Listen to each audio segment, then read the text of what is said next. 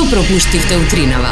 Ај, добро утро. Добро утро. Мгм. Понеделник. Гужва. Скоро половина март, сонце. Замисли. Огромни температурни разлики во текот на ноќта до минус 7, минус 8, во текот на денот до плюс 8. Вчера беше прекрасно времето.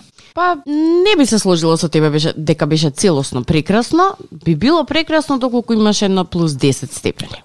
Полек. Дел по дел, Ке има? чекор по чекор. Да, викендов битно немаше дошт, во саботата се искоч се искачив на водно, прекрасно. Живо пиле немаше горе, а од муабетот што го слушнав од луѓето кои што беа таму, исто така наводно слаб одзив на планинарите. Најверојатно снегот ги исплаши, а горе зорке идилично. Бело, немаш појма колку беше убаво, со тоа што морам да почнам да кукам, некој искршил дел од патоказите кои што ги бележат е, патеките која е која. Ама бре, зошто? Мислам дека па рака на срце скоро година дена потраја тие патокази.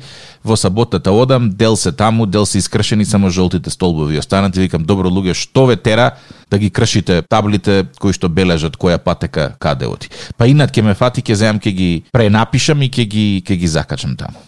Дали од е, тоа не поставуваме ништо сами како луѓе, доаѓаме до чекор 2, а тоа е колку ни траат работите кои што некој ќе ги постави за нас. Воопшто. Мислам дека тоа не го цениме. Пази, типичен пример, во стамбена зграда, во лифт, ставаат огледало. Добро. И е, соседот што го става огледалото пишува е, изрезбано во огледалото, ова огледало ви е подарок од стан тој и тој, за да секојаш кога ќе се видите во него, бидете насмејани. И? Абе, другиот ден почнаа со маркер да му пишуваат пораки на огледалото. И зошто? А и зошто? Зошто сме такви? И после една недела некој го скрши. Толку една недела. Толку една недела траеше. И после ќе се прашаш зошто луѓето не сакаат да прават едни за други општо добро. Никој Да ништо не цени. Имаше, не, не сум сигурна дали тоа тука во Скопје функционираше, ама мислам дека да.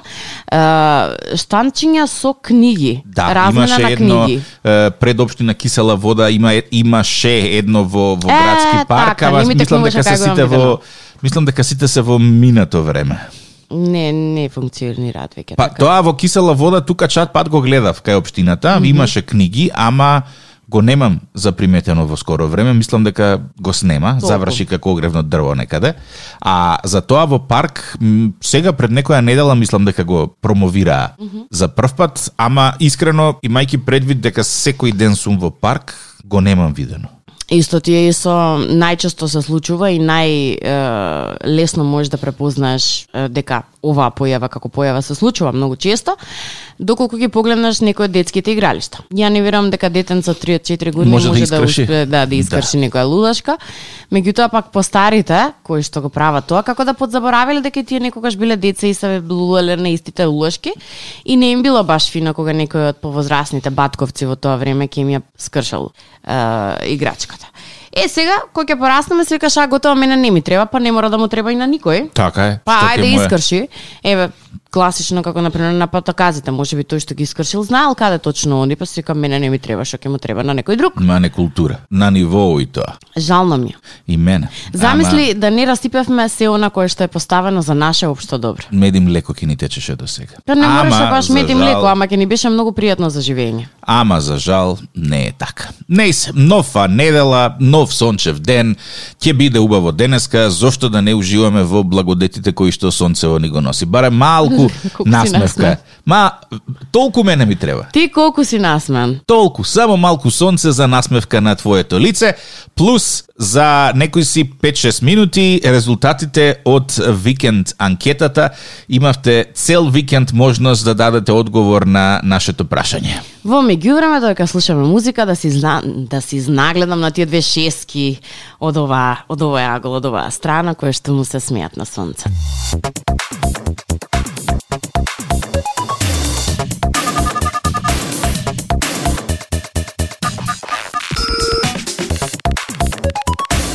Во петокот пред да заминеме, вие представивме викенд анкетата на Facebook. Кој мириса, кој мирис повеќе ве иритира? Лук или кромит? Како и сите други во нашето општество, со желба и надеж да ве поделиме што повеќе за да полесно може да ве контролираме.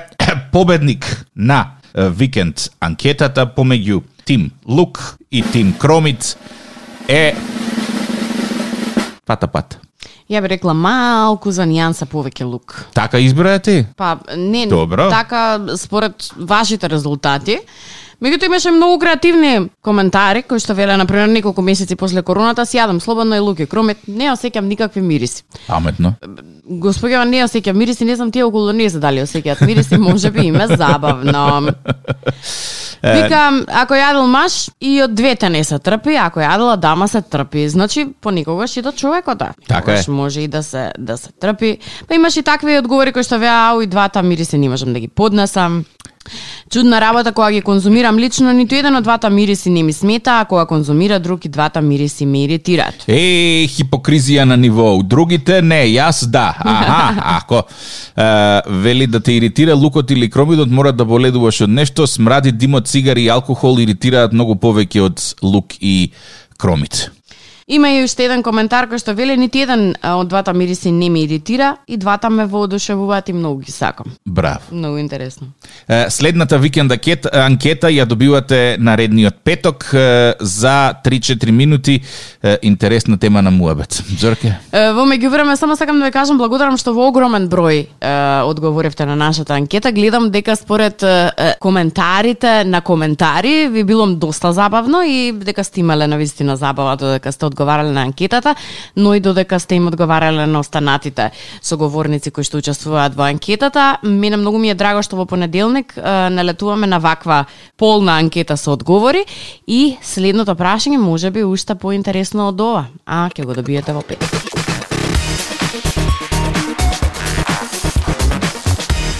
Добро утро и повели. Значи на мака сум од Битолско, имам проблем со притисок за неженење. Прво, ако некој од малото се жени, настанува војња, вртвање на глави и зборање од типот баба, дедо, да ќе заминиме, нема да те видиме со невеста. И на крајо, дедо ми ќе собира петиција за е, порез за неженетите. А у таков муабет имаше пред неколку години дека сите неженети треба порез да плаќаат. Е, така. И сега не знам, чудел во пензиското. и ќе собираат петиција, па ќе видиме. И тоа да го споделам за сите што не се женети после 30, за нешто анти, нели кањас има, ако некој прави едно, треба и анти да има, така? Е, па ти сега одма антиженење на 30 година и антиданок. Ема, Зорке, ова ме, ме иритираат вакви муабети. Е, ке, е, ке убанат баба и дедо, нема да те видат со невеста. Шо фајда ако ме видат со невеста? Ако невестата не ти е погодена. Ако не, па така да се бараш невеста за да уживаш во животот или да ги задоволиш баба и дедо? Кај нас мислам дека е комбинација од двете. Нама не, Тука е не да ги задоволиш само баба и дедо, туку комшиите, роднините, мама, тато, сите комплет. За да ги задоволиш, веројатно, нели се прави одреден притисок да се подожениш порано. Ама чекај сега, не е само притисок да се подожениш порано, туку е притисок и таа невеста да биде бендисана од широк е, конзорциум на, на лица кои што вклучуваат потесно, пошироко семејство и обкружување. А тоа ти е исто кој да протнеш да, да изгласаат закон у парламент. Не може да се договорат. Па дедото ја бендисува, таткото не ја бендисува, комшијата Миле вика добра ја, ама комшиката Ружица вика не чини. И кого да Не слушаш чини. сега? Гледам јас до 11 сат ролетните им се спуштени, значи спиета. Не чини. Како, како, како? Така е тоа. Ова е Крушевски муабет, го немам чуено. Значи така, ако до 11 сат се спуштени ролетните не чини. Пијат сигурно. Ама викенд дека се одморат, ама како да се одморат викенд баш најголемите Треба да се генералки се, прават. дрва. Ајде ти се молам. Не знам, а, ова е тема која што искрено не сме ја отвориле никогаш, а во себе содржи разноразни аспекти на нашето општество. Од тоа, на кого да му удоволиш, себе си или на Ма на околината, с краја да е. Ти, ти треба да патиш битно и околината околу тебе да биде Па среќна. момент број 2, ако им удоволиш, дали на вистина изборот што си го направил ќе им биде доволен на твоите блиски, роднини и Ау, Тоа е пријатели? друго прашање. Значи, ова не, не изборуваме само за жена, зборуваме и за маж, нели? Да, да. Така што е, ќе ми биде потребно вашето размислување, затоа што моето оди во 5 насоки во моментов. А какво е твоето размислување на оваа тема? Дали ти си се соочил со некаков притисок, доколку после 30-тата, 32-3, не се ожениш или не се омажиш и што тоа обштеството те притиска да направиш, те чекаме да ни кажеш на 079 274 037. Бран поскапувања, па бран поевтинувања, па најава за смрзнување на одредени цени, а народ посе, пред секое најавување на покачување формира редици и колонии за да купи нешто по поевтина цена. Последен таков пример беше ова со бензинот Зорке и искрено Знам. на моменти се прашувам дали можеби нешто не е во ред со нашиот мајндсет, затоа што ако го земеш времето поминато на чекање пред бензинска пумпа и вкупната заштеда да кажеме од околу 200 денари на 40 литри бензин, дали тие 200 денари што си ги заштедил на вистина Вредат. прават толку голема разлика. И наместо да се водиме од она да заштедиме, заштедиме, зошто не почнеме да се водиме од она да заработиме повеќе? Мислам дека е многу по позитивен мајндсет. Имаше, uh, оуф, не можам да се сетам како го прочита, вели ако нешто не можеш да си дозволиш да си купиш и а, првенствено себе, себе си си велиш, ау немам пари да го купам тоа, Добро. Самиот мозок го штелуваш да мисли дека немаш пари да го купиш тоа. Од друга страна, ако почнеш да размислуваш дека да, јас немам пари да го купам тоа, но како би можела да заработам повеќе пари за да си го дозволам тоа, го штелуваш мозокот на некои други вибрации кои што пак размислуваат во насока на тоа на вистина што може повеќе да се заработи за да одреденото нешто добро, задоволство, што го ти дае, можеш да си го дозволиш на себе и на своето семејство. И кога на вистина ќе почнеш така да размислуваш размислуваш, ти се отвараат нови врати, би рекла, една нова dimenzија, каде што размислуваш во поглед на тоа дека да, постои дополнителна работа, да, постои дополнителни начини како да заработиш. Плюс, не мислам на оние дополнителни работи од типот на мрежни маркетинзи, мада и тоа е некогаш опција, нели? Да, за сето, се што за секој пари. кој што сака. Меѓутоа некако сме навикнати дека работното време треба да е, да речеме, од 8 до 4 или ако е двосменско толку до толку, до толку до толку и сето друго време треба да си уживаме. Што во модерно време не е така. Што во модерно време значи еднаква на сиромаштија. па, добро, да. Да, да. А, сите оние кои што ги знам, а на овој или на овој начин успеале да да речем заработат динар плюс, знам дека нивното слободно време е поделено од она слободно време што вообичаено го имаат, барем две третини користат за некоја дополнителна работа, нели? Со истата таа намисла. Како да си овозможам да заработам повеќе за да си го дозволам да речеме тоа и тоа. Е сега кога мислам да си го дозволам тоа и тоа, не мислам некоја прескапа кола, нели тоа нормално не баш можеш со нормална плата да го заработиш, освен ако не знам. Не се бавиш со нешто, да. Не си принцезата од Монако. Меѓутоа, за се друго мислам дека малку по малку штедење по штедење, денар по денар во касичка, каса, штедна книшка, може да се дозволиш многу ради. Многу широка и општа тема и мислам дека жалосно е што нашето познавање околу финансиите, штедењето, пресметувањето, дополнителната работа е многу мало сад. И опасноста од кредити. Опасност Посебно оние брзи кредити со огромни каматни стапки кои што еднаш кога ќе загазиш во нив, тешко извлекување од таа црна дупка. А многу интересно, сега во последно време се рекламираат како да се пар облека да речеме. Да, купи си да. пари. Сакаш 100 денари, да, ама ќе те чинат 150.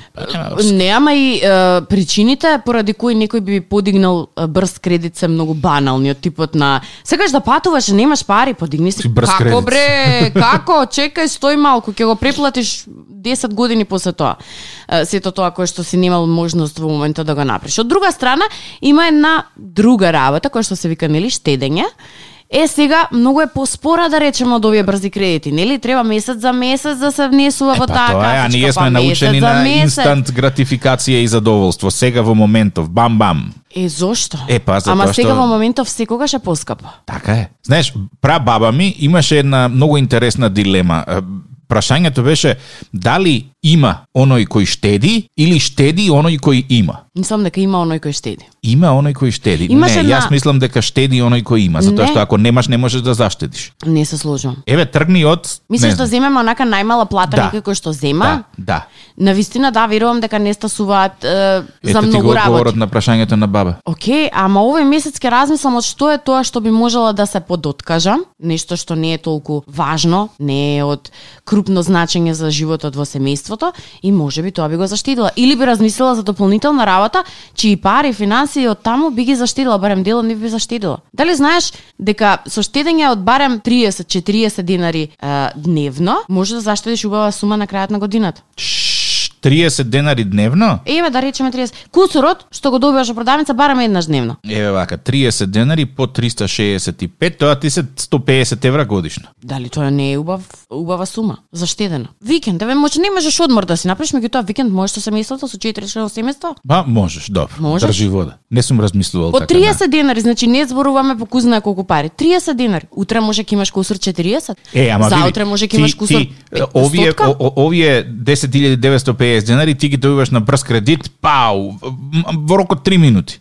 Супер, се се Со согласувам. камата од која што боли глава. Е, сега тоа сакам да прашам, ама камата во уште колку години ќе отплаќаш? Многу. Минимум уште една. Еве нека не бидат, значи 100 евра можеш да заштедиш ако секој ден тргаш на страна по 20 денари. Сакаш да ми кажеш дека не можеме по 20 денари да заштедиме на дневно ниво? Сумата се Па, зголемува зависно колку можеш. Можеме. Значи јас не изборувам по 500 денари на ден да Значи, тргаш. ја, јас имав друга теорија. По едно кафе што го пиеш надвор, Види, може луѓето, не сите луѓе пијат кафе надвор, да се разбереме. Не сите бурекот, луѓе симитот, гевречето, нешто. Кусурот од продавница 20 денари во железни, стави го во касичка, ти имаш 150 евра на крајот од годината, што воопшто не е подценувачка цена. Е, кога ја спомна касичката, се ближи 24 мај. Денот на власите. Што сакаш, нова 23 касичка? Не, сакам да ја отвориме касичката да видиме колку пари имам успеано да Чекај малца, а тоа што ќе бројам јас од тебе што добивам? Ти ке броиш. Што добивам? Задоволство. Е, Со толку многу пари во допир. ќе бидам во задоволство кога ќе ми преносиш колку си заштедил. Да Колку бројам толку парички многу. содржи влашката каса. Замисли, ако вака тука, како што бројам, ми паѓаат надоле, па не ги приметам. Mm -hmm. Песките. Мгм. Покрај влав тоа нема да се случи. Се слуша, Зорке? Се слушам, не можам да се соземам од видеото со мачињата. Е, одма сподели го на социјалните Ќе го мрежи. споделам на TikTok и Зорка. Значи, е, искрено, алалдавија на никој од вас со креативноста. Има некои видеа Вага, кои што е, случајно ќе налеташ на нив. Толку малку труд и енергија треба да се вложи да се направи такво видео, а толку добро на крајот излегува. Плюс музиката што има стајна, да не должам многу, сега одма ќе го постирам. 079-274-037 телефонскиот број, тик-так и Зорка на Facebook и Instagram и слушај.тиктакизорка.мк сите стари емисии достапни било кога, било каде. Имаме слушател на линија. Добро утро, повели. Вага, добро утро. Три теми, две реченици за секоја. Може и реченици и пол. Прва Ајде. тема, прва тема околу женење, мажење, брак, да, не.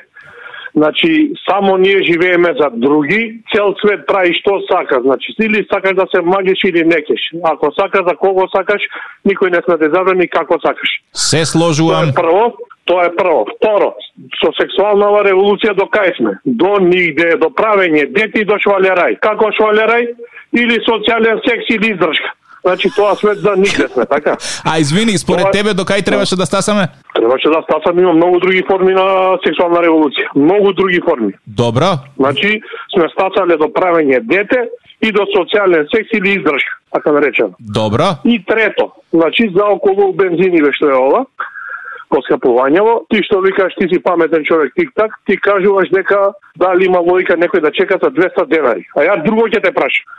Дали има логика најнов модел на BMW на джипови нова да чека по ефтинување? Дали има тоа логика? Ич нема логика тоа, ама Е, пази. дали најнов модел на BMW, на Golf, на некој джип има логика да чека за 20 литри 6 денара? Кажи ми тоа, джипот вреди 70, 50 евра. Не треба, апсолутно. И нема никаква значи, логика тука нема никаква логика, така? Се апсолутно се согласувам.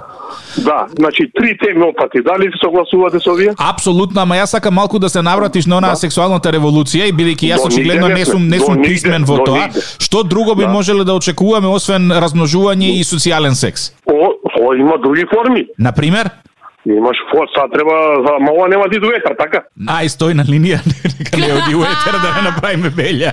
Ме купка се што ќе ти кажа. Јас смеам да да слушам или не смеам? Смееш да слушаш.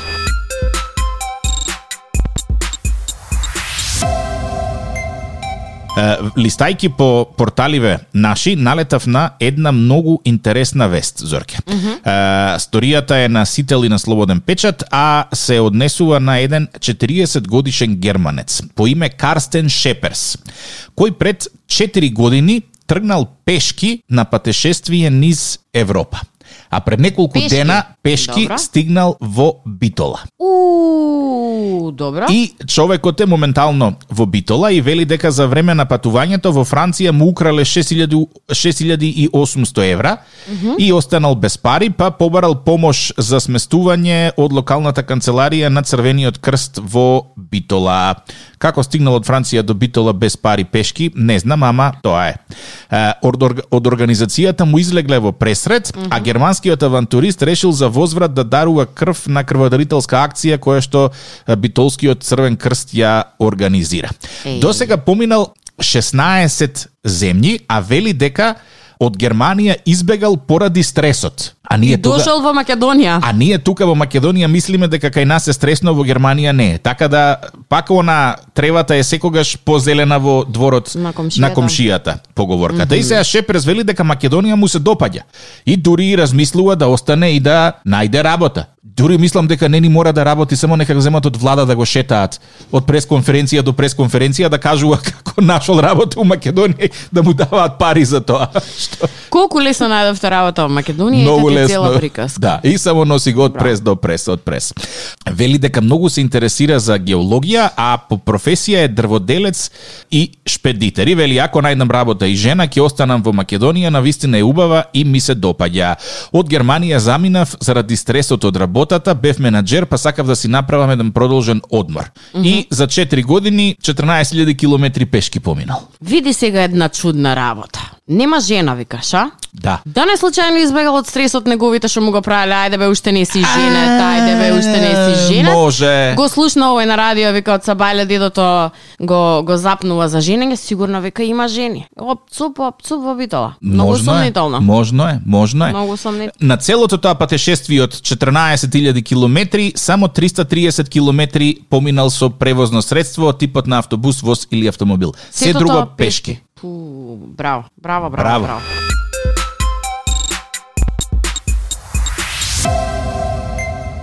Пред малку се јави еден слушател кој што имаше одлична поента, вели дали вреди оние со скапи возила од по 50 плюс 1000 евра да чекаат на бензинска за да наполнат бензин по стара цена пред истиот да поскапи. Има слушател со реплика. Повели. да му кажам дека ми светеше и ќе ми изгасаше. Можда мене ме видело жив сам сега ми дојде. А, па ти да си единствениот со джип во Скопје, убаво ќе биде. Многу Не, има. ми светеше, ми светеше и морав да почекам печесколи да ставам гориво, друг пат ќе го гурам од жив срам лака.